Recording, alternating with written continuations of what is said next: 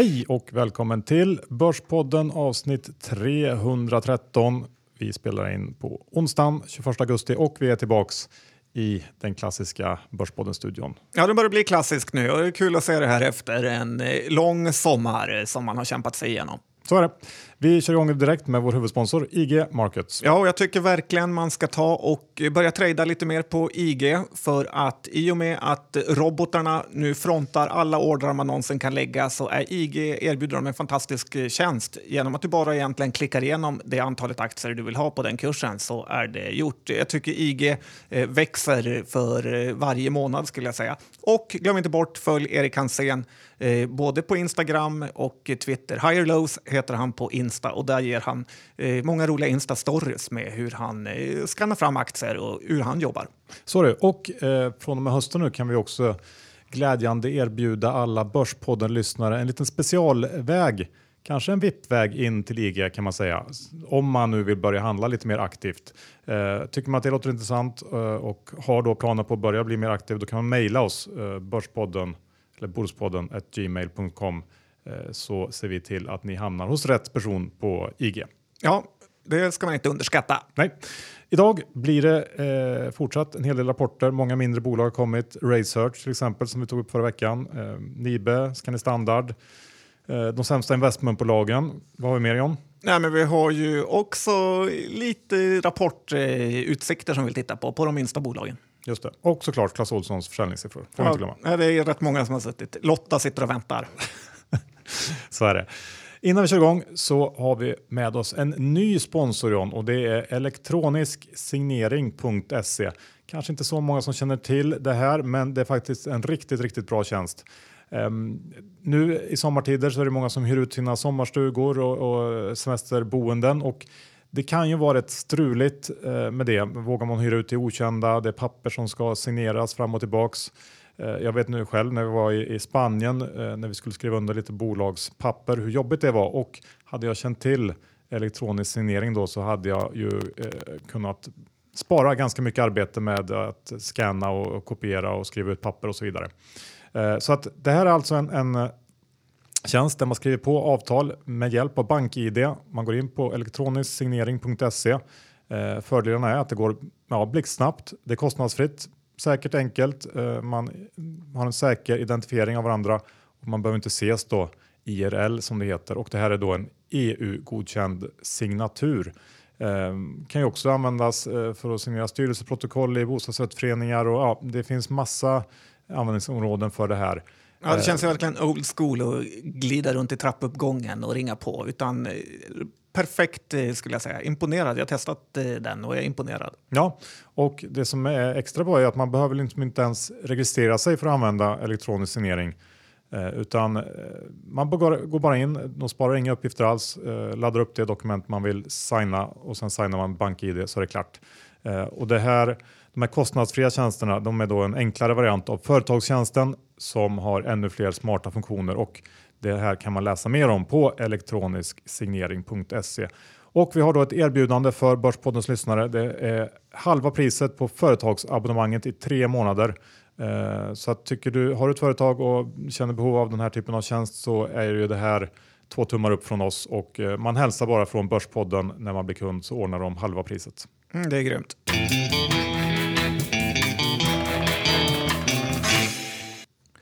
Johan, Dr. Bass Isaksson, index 1545 och eh, vi har väl kommit ur den här sommaren nästan stärkta skulle jag säga. Av, eh, ja, börsen känns eh, starkare än den har gjort på några veckor i alla fall. Ja, vi var ju nere här förra veckan var det väl, för två veckor sedan, en kort stund under 1500 och så fick vi en studs in i den här veckan. Sen så kan man ju fråga sig, är det verkligen klart på nedsidan? Det känns lite väl enkelt. Jag tycker att det fortsatt är ganska nervöst där ute och att det krävs ganska lite för att röra marknaden åt, åt bägge håll egentligen.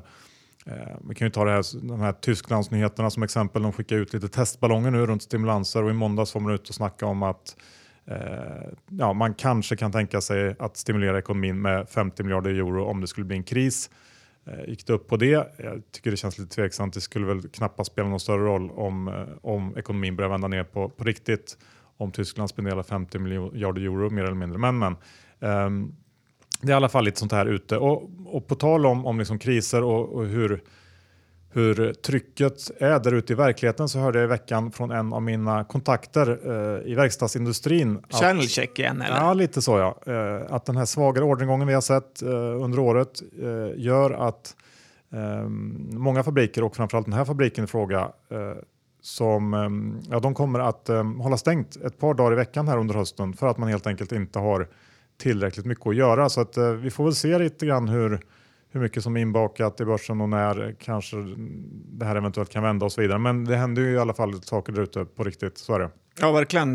Det är ju, trots att man hållit på med börsen så länge så blir man ändå så för, eh, förvånad över hur sentimentet kan vända på en eh, klassisk femöring. Att det kan gå från nattsvart till att eh, vi har nått botten. Så att, ja, det är lätt att påverkas själv också trots att man vet, har någon typ av klar åsikt om vart vi är på väg.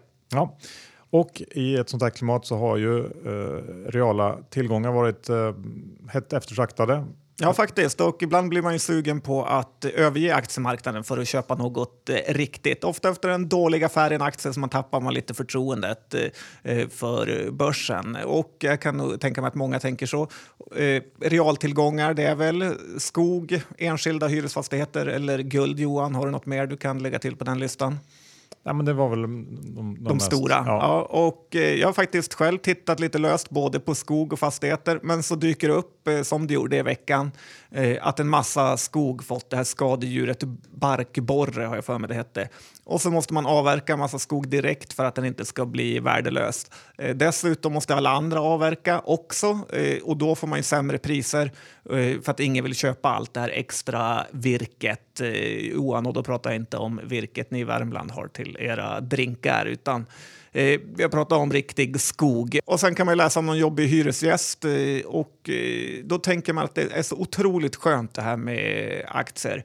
Eh, barkborre i SCA Skog, ja men liksom lös det problemet. Är det problem med en hyresgäst för Castellum? Det är aktie eller de som arbetar på Castellums problem. De får jobba hårdare eller få kicken. Och eh, som aktieägare får man ändå ta del av det goda, det vill säga vinsten. Så att, eh, jag måste ändå slå ett eh, slag för aktier och hur enkelt det är. Ja, faktiskt. Du har ju en, en eh, poäng där. Och sen då som vi var inne på, det har varit lite stökigt på börsen eh, och då tycker du att man ska passa sig för en sak. Ja, man ska inte titta för mycket på eh, flöden och ordrar i de här volatila tiderna. För eh, vanligtvis eh, är det ett fenomenalt sätt att se vilken trend en aktie är i.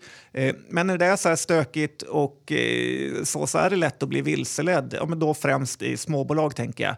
Eh, där det inte är ovanligt att såna här småbolagsfonder, som vi har rätt många av, får uttag eh, och därför skickar ut lite ordrar på stan för att sälja 50 000 av den eller 65 000 av den eller 40 000 av den aktien. Så att, eh, Eh, nästa dag då kan de här ordrarna som ser ut att ha tyngt aktien jättemycket eh, vara borta för börsen vänder eller fondernas eh, utflöden stoppar och istället får inflöden. Så att, eh, eh och då behöver fonden inte längre sälja aktierna och den här aktieposten.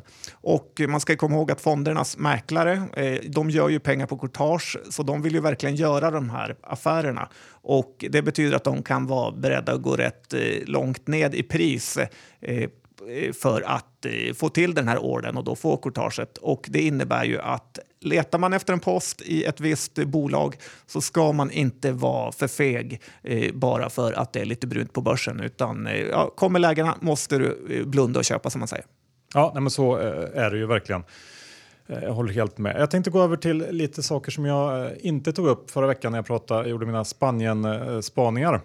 Ja, berätta. Ja, och man kanske lite så här fördomsfullt kan tänka att länderna där nere i, i Sydeuropa men är lite mindre utvecklade än vad vi är här uppe i Norden och eh, ja, ligger lite efter på en del fronter. Och det kanske kan stämma på, på inom vissa delar, men det finns ju även såklart eh, saker som är helt tvärtom. Och jag tänkte ta upp två sådana företeelser. Eh, jag tänkte börja med eh, öl. Vi pratar en del om öl när det gäller Spanien. Och eh, merparten av all öl där säljs ju i sådana här lite mindre 25 centiliters flaskor och det är faktiskt fantastiskt bra. Ölen blir godare, håller kol, kylan och kolsyran bättre och jag tycker att det är ju helt enkelt ett, ett betydligt bättre och eh, kanske lite mindre bonnigt sätt att konsumera öl på än att sitta och halsa från sådana här äckliga 50 centiliters burkar som ändå förekommer här i, i Sverige. Jag kommer ihåg faktiskt på Remium att eh, de som jobbade på korpavdelningen på Remium vägrade dricka ur burk eh, för att det var sossigt att smaka aluminium. Eh, lite pinsamt kan jag tycka så här efterhand att säga sådana saker. Ja, men det var inte riktigt det jag var ute efter, utan det är ju helt enkelt bara liksom att storleken 25 centiliter, det, det är faktiskt en bättre, um, en bättre förpackning än 50 centiliters burk. Det slår vi fast. Det är inget giant leap för Sverige att liksom eh, komma ikapp den utvecklingen. Nej, men eh, ändå. All små, många bäckar små, eller vad säger man? Um, men så, och en annan grej jag tänkte på. AC, det finns ju såklart AC överallt i, i Spanien och det är väl inte så konstigt givet uh, liksom klimatet.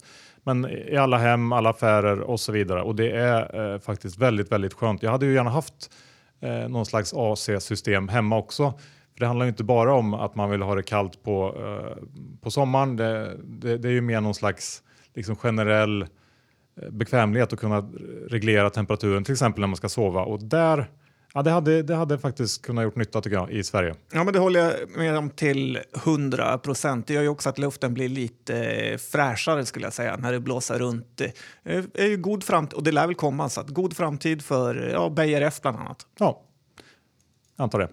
Eh, vi går över till politiken John.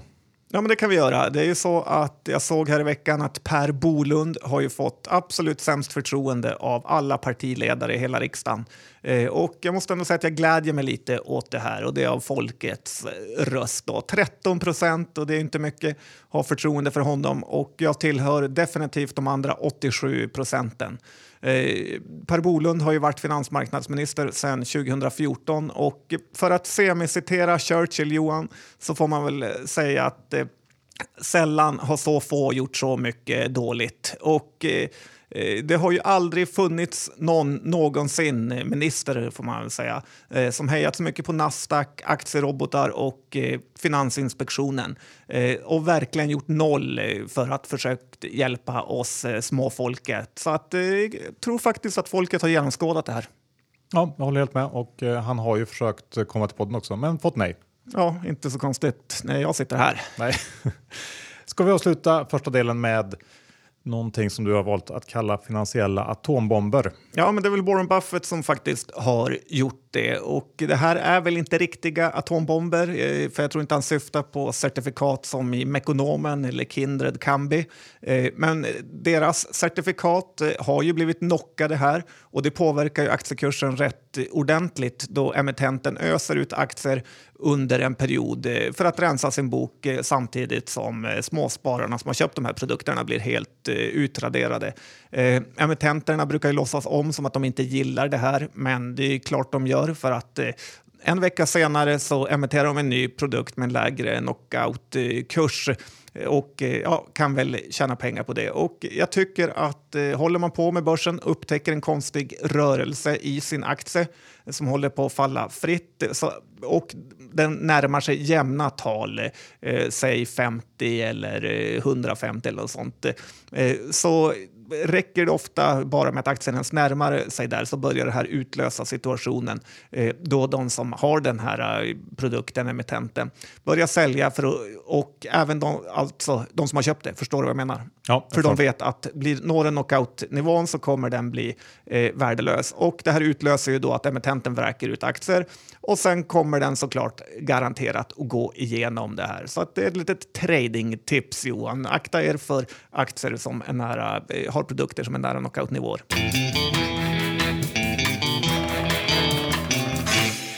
Vi är också denna vecka sponsrade av härliga, härliga Lendify och vi har ju en kul nyhet att förmedla när det gäller Lendify.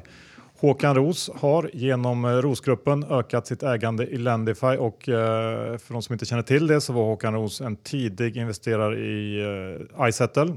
Det var inte trist. Nej, det känner jag till i och för sig. Men... Och nu så ökar han då sitt ägande i Lendify. Och Eh, Håkan Oos säger då att, att Lendify har en position att bli Sveriges nästa riktigt stora fintechbolag som utmanar de traditionella bankerna och skapar nytta för konsumenterna. Eh, jag tror på affärsmodellen och teamet det är ett bolag med ordning och reda och sunda värderingar och det kan vi också skriva under på John. Ja, vi har ju flera hundratusen av bolagets pengar där och jag tycker det är en fantastisk tjänst om man ska ha flera kassaflöden. jag kan starkt rekommendera Lendify som en sidoinvestering till börsen. Ja, och vill man testa det här då går man in på lendify.se snedstreck Börspodden. Stoppar man då in minst 20 000 kronor och investerar dem, då dimper det sen ner 500 kronor extra i belöning. Så det är en fin start på eh, ett Lendify-sparande. Verkligen. In och kolla!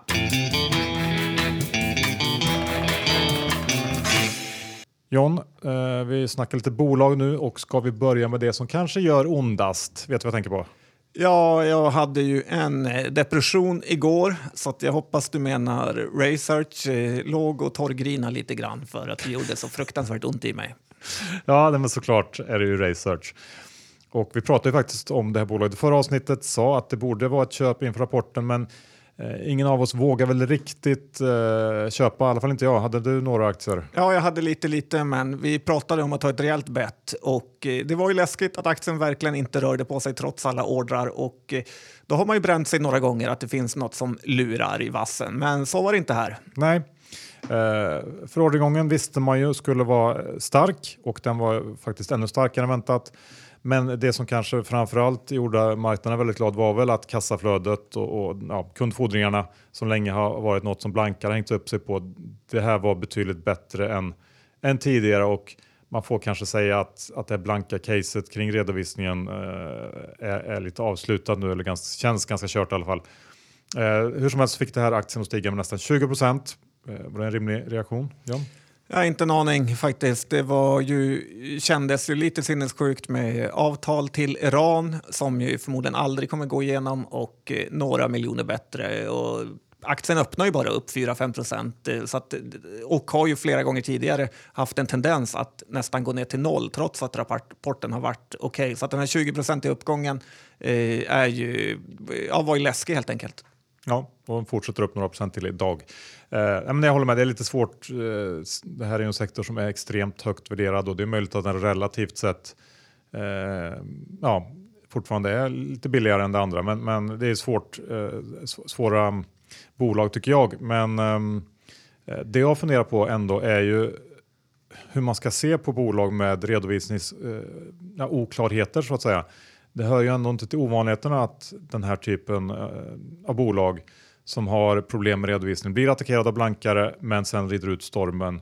Eh, och det är väl eh, ungefär det som händer nu i, i Research. Och jag personligen gillar inte heller när redovisningen ser ut som den har gjort eh, i, i Research men läxan får vara att det krävs ofta något mer för att fälla ett bolag och ehm, man kan väl säga kanske att det också ändå är något slags gott betyg i slutändan åt redovisningsskrået för hur man ändå gör alla de här eh, justeringarna och aktiveringarna och, och sådär. Eh, och sen i Racers fall till exempel så kunde man väl kanske om man tittar nu i, i efterhand funderat på vilka kunder bolaget har ändå och eh, om, om det är troligt att världsledande cancerkliniker är, är delaktiga i, i, i oklara orderupplägg och så vidare. Men ja, det är alltid lätt att, att säga så här i efterhand när det såg ut på ett helt annat sätt för ett år sedan. Ja, verkligen. Det är ju så att de flesta bolagen är ju ärliga. Men man förstår ju också att det är ju otrolig uppsida för en blankare om det visar sig att eh, om det är fake i redovisningen. Då faller ju aktierna eh, 40, 50, 60 procent. Ja, absolut.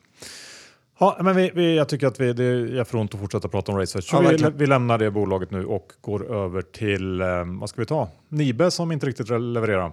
Ja, så är det ju. Och de har, ligger med sin miljömedvetenhet eh, medvetenhet helt rätt i tiden här med sina värmepumpar.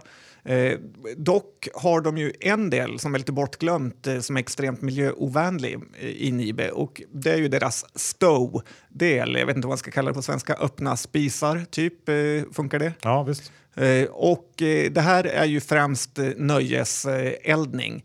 Eh, den delen har faktiskt eh, klappat ihop här och eh, det är tur för Nibe att den är ganska liten men det gör ändå en relativt stor påverkan på resultatet när tappet är så här stort.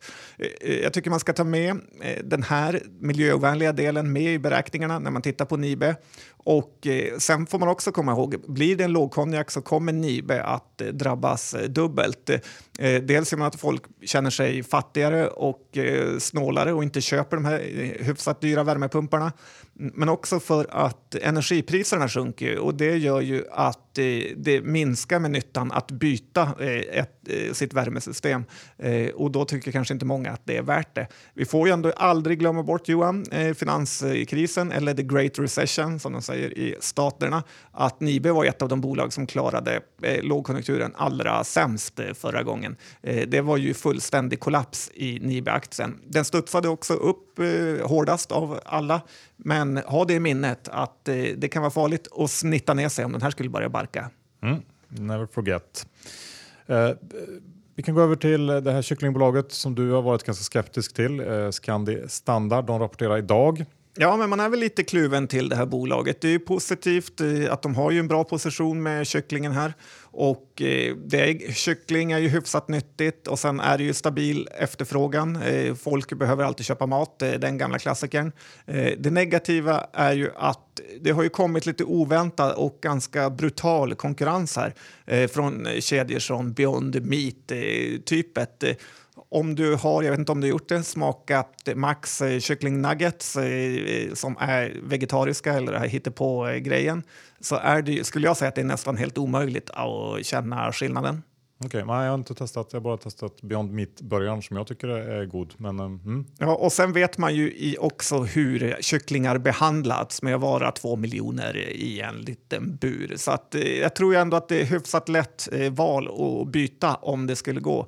Eh, jag tittade lite på intjäningen i Scandi standard och de ska tjäna 4,50 år och det ger ja, men kring eh, P15 just under. Dessutom har de en rejäl nettoskuld på eh, 4, eh, 2 miljarder och eh, Öresund är ju största ägare i Scandi Standard vilket numera är något eh, negativt. Eh, så att, eh, jag har lite svårt att se en rejäl uppvärdering här. Ja, men jag håller nog med om det och, och framförallt att det är, känns ju som att man mycket hellre byter ut kycklingen än, än kanske den här riktigt goda köttbiten som fler är nog är mer ja, men sugna på att behålla. Eh, det är sällan man går runt och är jättesugen på en riktigt fin kycklingfilé. Man säger ju inte så. Nej, det har man aldrig någonsin hört faktiskt. Nej, så då, då nej, men jag, jag köper det. Det eh, blir spännande att följa. Och, eh, då tänkte jag att det är dags för Clas Olsson-segmentet i veckans avsnitt. Ja, ni som inte orkar kan spola fram 25 minuter. ja, så, så, lång tid ska jag inte hålla på. Eh, för det var ju faktiskt bara försäljningssiffror för juli som eh, kom här förra veckan. Och eh, de var faktiskt riktigt hyggliga, det jag får jag ändå erkänna. Plus 10 procent även om det är kanske är svårt att värdera dem helt med tanke på, på förra årets rekordvarma juli och uh, så hade vi en kalendereffekt som var plus 2 procent jämfört med föregående år. Um, och man kan ju också titta på Swedol, de släppte sina julsiffror samma dag uh, och rapporterar plus 22,3 procent. Så att det indikerar väl på något sätt att förra årets uh, siffror var ovanligt dåliga helt enkelt. och det som jag ändå tycker är lite intressant eller som man får ta med här i beräkningen är att, eh, att man får titta på, på det absolut viktigaste området för framtiden eh, när det gäller Clas Ohlson. Tejp och batterier eller vad du brukar säga? ja, det är ju, det är ju De... själva core businessen, men jag tänker kanalen och det är ju onlineförsäljningen. Den steg med 20% i Q1 och eh, givet hur enormt mycket de satsar på det här och hur enkla eh, jämförelsetalen är så är ju det långt ifrån godkänt. Och tittar man sista tre kvartalen nu när det gäller omsättningstillväxten online så saktar eh, den in oroväckande snabbt. Man låg på 51 procent i Q3, eh, 33 procent i Q4 och nu då i Q1 eftersom det är brutet år så ligger man på 20 procent. Eh, och det är ju då från riktigt låga nivåer så det, det, går liksom inte riktigt att skylla på att man har eh, växt så enormt mycket. Och för att nå sina egna finansiella mål om man dubblar nätförsäljningen vartannat år så måste de ligga på drygt 36 procent i tillväxt under det här året. Och det, ja, det är långt dit och eh, den här utvecklingen tycker jag borde oroa marknaden eh, ganska rejält för att om man ska ändå hålla sig relevanta i framtiden så måste man bli betydligt starkare på nätet. Jag tror ingen ifrågasätter det. Eh, men Q1 kommer ju här i början av september. Det är svårt att sia om den tycker jag. Eh, att butikerna håller uppe försäljningen okej okay, och att man kanske får lite hjälp av besparingar talar ju för att det skulle kunna bli ett okej okay kvartal. Samtidigt som valutor kanske börjar slå igenom. Det är lite svårt med alla hedgar och veta hur valutorna slår men vi kan ju konstatera att dollarn bara stärks för varje dag som går och det är ju inte bra för, för Clas Ohlson samtidigt som Noken också har tappat lite faktiskt på slutet vilket också är dåligt. Um, och Sen är det också lite svårt att veta hur, hur eh, både marknaden och Clas Ohlson kommer att göra med de nya IFRS-reglerna. Eh, de börjar rapportera i linje med dem nu ifrån Q1 och eh, det kan nog boosta ebitda-resultatet lite grann. Det har de ju aldrig rapporterat förut men vem vet om de trixar till det den här gången och väljer att titta på ett nytt resultatmått. Det skulle inte förvåna mig. Ehm, och, och, samtidigt så har ju aktien här under sommaren gått från, den var väl uppe i 94 som högst någonting och nu nere på 83. Eh, och eh, jag har tagit in en liten, liten del av min kortning för att kunna sälja på mer om marknaden skulle få för sig att dra upp den igen. För jag, jag tror ju fortsatt att de långsiktiga utsikterna är väldigt, väldigt dåliga. Ja, men spännande. Det där du sa om att ingen kan ifrågasätta näthandeln. Jag tycker ändå man kan göra det lite grann, att Clas Ohlson har sådana prylar som inte säljs på nätet. Och tittar du på bolag som Ica Axfood så man kan prata hur mycket mathandel som helst via nätet men 98-97 procent säljs fortfarande i butiken. Eh, och som jag sagt förut, jag tror att Clas Olsson ändå är lite på rätt väg. Jag har besökt kanske tre, fyra butiker i sommar och det är faktiskt en av få butiker som eh, levererar och har eh, folk Eh, jag har tagit in min kortning som jag har ryggat eh, dig på och det var faktiskt en bra affär får jag tacka för.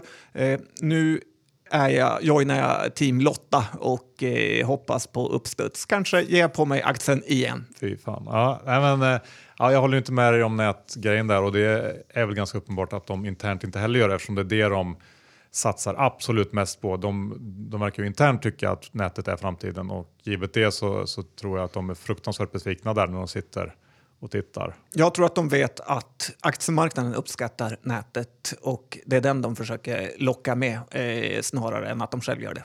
Ja, det är märkligt att bränna liksom flera hundra miljoner per år på det, men ja, vi får se helt enkelt. Eh, vi lämnar det och går över till någonting annat. Eh, Torsten. Bara en sak om Clas Ohlson. Ja. Det var ju tredje generationen som tog över nu. Det var faktiskt fjärde. Fjärde. Har du någon? Okej, okay, för där var generationen har gjort sitt. Ja, så vi får se effekterna av det snart då. De ja. har ju, ja, de, de hoppar ju av skutan precis när den håller på att sjunka och lämnar och över till den stackars fjärde generationen. Okej, okay, lite ondskefullt. Jag vet inte riktigt vad man kallar den fjärde. Uh, vad är det? det, det ja, det Förvärva? Jag vill förvalta sen och fördärva. fördärva på något sätt. Men fjärde, ja vi får se vad det blir. Det är oklart. Mm. Men vi lämnar och går över till Torstens New Wave. De har rapporterat siffror igår på tisdagen eh, och eh, aktien sänktes lite grann av marknaden. Ja, men faktiskt. Och Torsten Jansson som är vd där kör ju helt sitt eget race till 100 procent. Man gillar det ju samtidigt som eh, det är lite svårt att vara i samma lag eh, med såna här eh, vad ska man säga, egoister som inte riktigt bryr sig om aktiekursen utan verkar köra någon annan agenda. Den här rapporten som kom på tisdagen var inte dålig, men den var inte heller bra. Försäljningen ökar och men får man säga marginalen går ner det. Och eh, nu när den käre Torsten har ökat varulagret med ytterligare 500 miljoner Johan så är vi uppe och touchar i 3,5 miljarders eh, vallen. Eh, och bara för att liksom påpeka hur sjukt det här är så är ju New Waves börsvärde 4 miljarder. Och eh, om H&M hade varit i samma sits gällande mitt nya nyckeltal som jag väl ändå kört några gånger i podden här, eh, att du kör börsvärde genom lager, så hade ju H&M haft ett varulager på 250 miljarder kronor. Eh, nu har ju H&M ett varulager på 35 miljarder och då oroar sig analytikerna lite om det har stigit en eller två miljarder. Eh, Torsten, han är inte rädd för att ha, ja, jag vet inte hur många vita t-shirts det ligger på det där lagret, men det är inte få nu. Och jag tycker ändå att det är läskigt att för ett sånt litet bolag ha eh, varulager på 3,5 miljarder. Ja, men jag har helt vänt faktiskt. Jag, jag börjar förstå vad han gör. Uh, och jag tycker att låter, han säger ju själv att det där är hans bank i dåliga tider, eller hur? Uh, jo, det har vi hört. För då kan han inte låna och då vill banken ha tillbaka och då har han sitt lager och det kan ingen liksom ta ifrån honom. Och det köper jag. Och sen så tycker jag också att det är någon slags, det är ju någon slags hedge mot Ingves och kronan. Uh, han köper väl in antar jag i dollar och ja, i alla fall inte kronan. Och ja, varför inte köpa så länge liksom, kronan försvagas för varje dag som går. Så att det är väl lika bra att stoppa in dig i vita t-shirts, eller? Ja, men jag tycker att det är lite bra synpunkter ändå. Att eh, just det där med att om marknaden kraschar så kan han kränga. I och för sig kommer han inte sälja något då, men visst. Eh, eh, Torsten driver det här bolaget som han vill och det ska man ju vara medveten om man köper in sig i det. Ja. Du, vi tar några snabba kommentarer kring spelsektorn som fortsatt eh, har ja, de fortsätter producera förloraraktier kan man säga på löpande band. För i veckan var det Catena Medias tur. De levererar en rapport långt under förväntan. Eh, ny, nykundsanskaffningen var ju ett, eh, en punkt som var faktiskt riktigt dålig och det börjar väl se ut som att bolaget kan få svårt att undvika nyemission här under eh, andra halvåret. Kovenanterna på bolagets lån som då eh, innebär att nettoskulden inte får överstiga tre gånger ebitda resultatet låg efter Q2 på 2,98 och jag gissar att det krävdes en hel del vändande på stenar för att ligga på rätt sida av det strecket.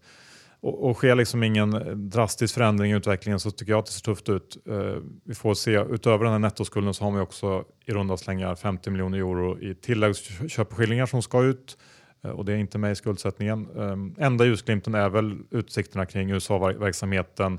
Eh, VD är fortsatt positiv där och säger att man ska kunna dubbla intäkterna under andra halvåret. Ehm, men äger man aktier så får man nog hoppas på en rejäl boost från den delen eh, nu när spelandet i USA drar igång på allvar efter sommaren. Och eh, det här går väl igen i hela den här affiliate-sektorn. Eh, Netgaming, som är en mindre kollega, kommer också med en riktigt dålig rapport. Den aktien har ju fullständigt havererat sista året eller ett och ett halvt åren.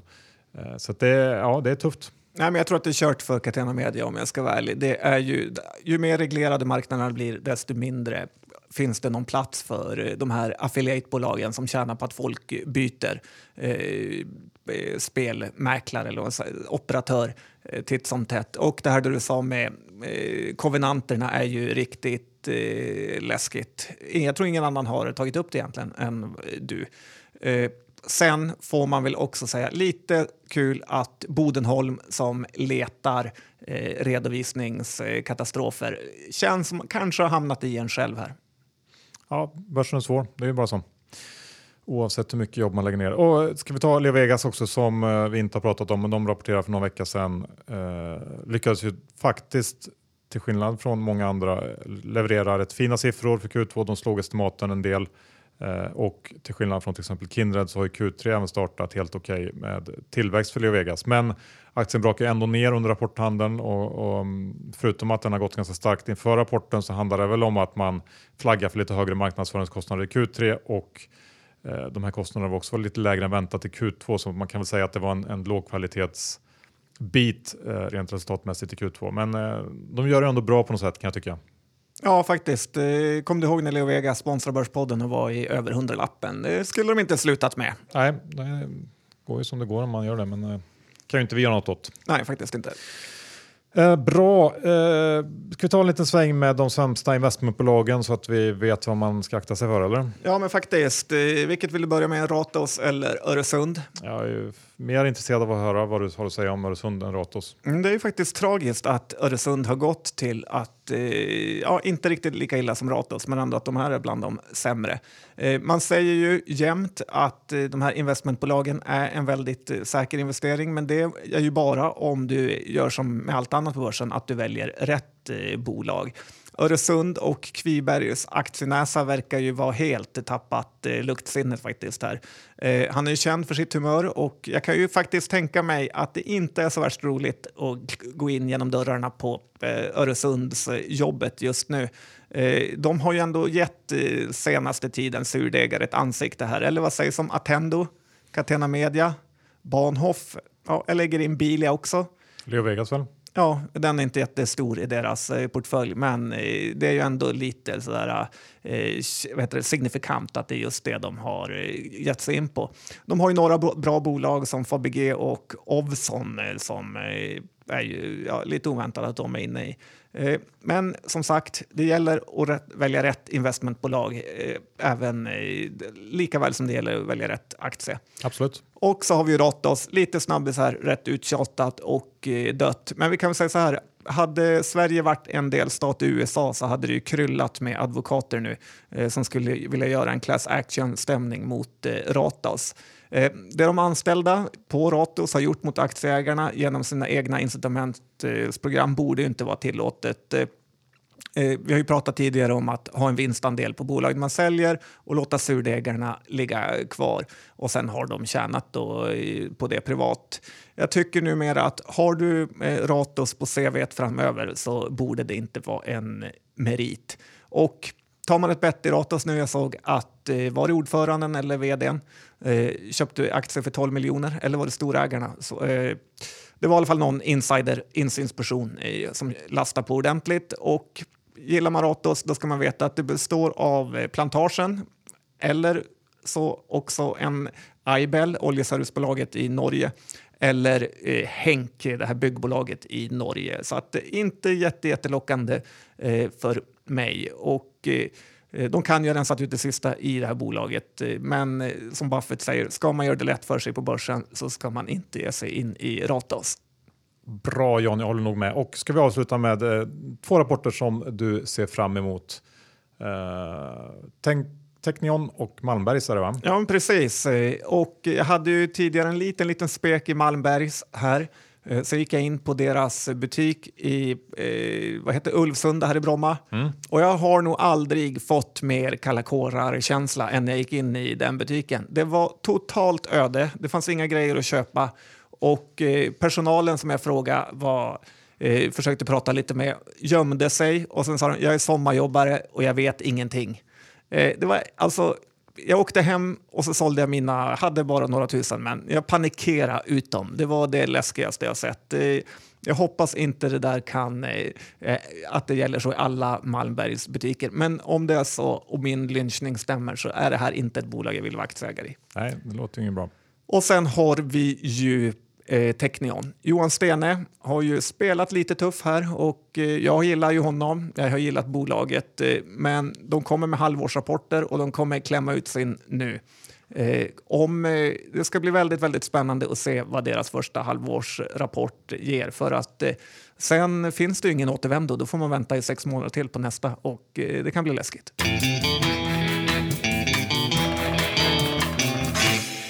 Slut på avsnitt 313. Vi tackar vår huvudsponsor IG Markets.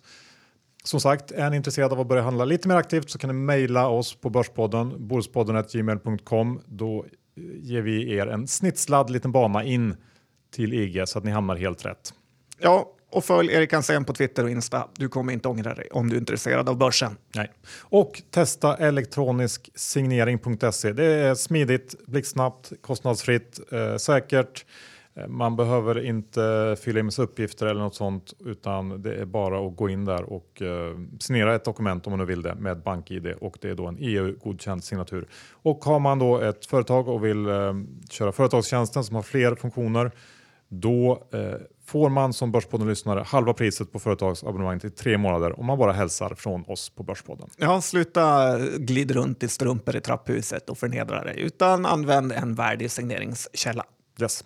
Och Lendify, vi gratulerar eh, Lendify och Håkan Roos som det är en ny, eh, eller de, han har ökat sitt ägande i Lendify. Och eh, det är kul, vi gillar Lendify. Vill ni testa, gå in på lendify.se Börspodden. Då får ni 500 kronor extra om ni stoppar in minst 20 000 kronor och investerar dem. Ja, det är ju inget att tveka på. Nej. Uh, hur är det med innehållsredovisning det här avsnittet? Uh, jag är kort uh, Clas Olsson John. I övrigt så tror jag inte att vi pratar om något bolag som jag eh, har några intressen i. Hur ser det ut för dig? Nej, men jag har köpt lite research idag i en hundraprocentig FOMO-trade. Eh, Oj då. Eller FOMO, ja, fair of missing out. Ja. Jag hoppas att jag förlorar pengar. Ja. Eller oväl. YOLO kanske? Eh, nej. Nej. Okej. Okay. Bra. Tackar vi för oss. Hörs om en vecka. Hej hej. Hej då!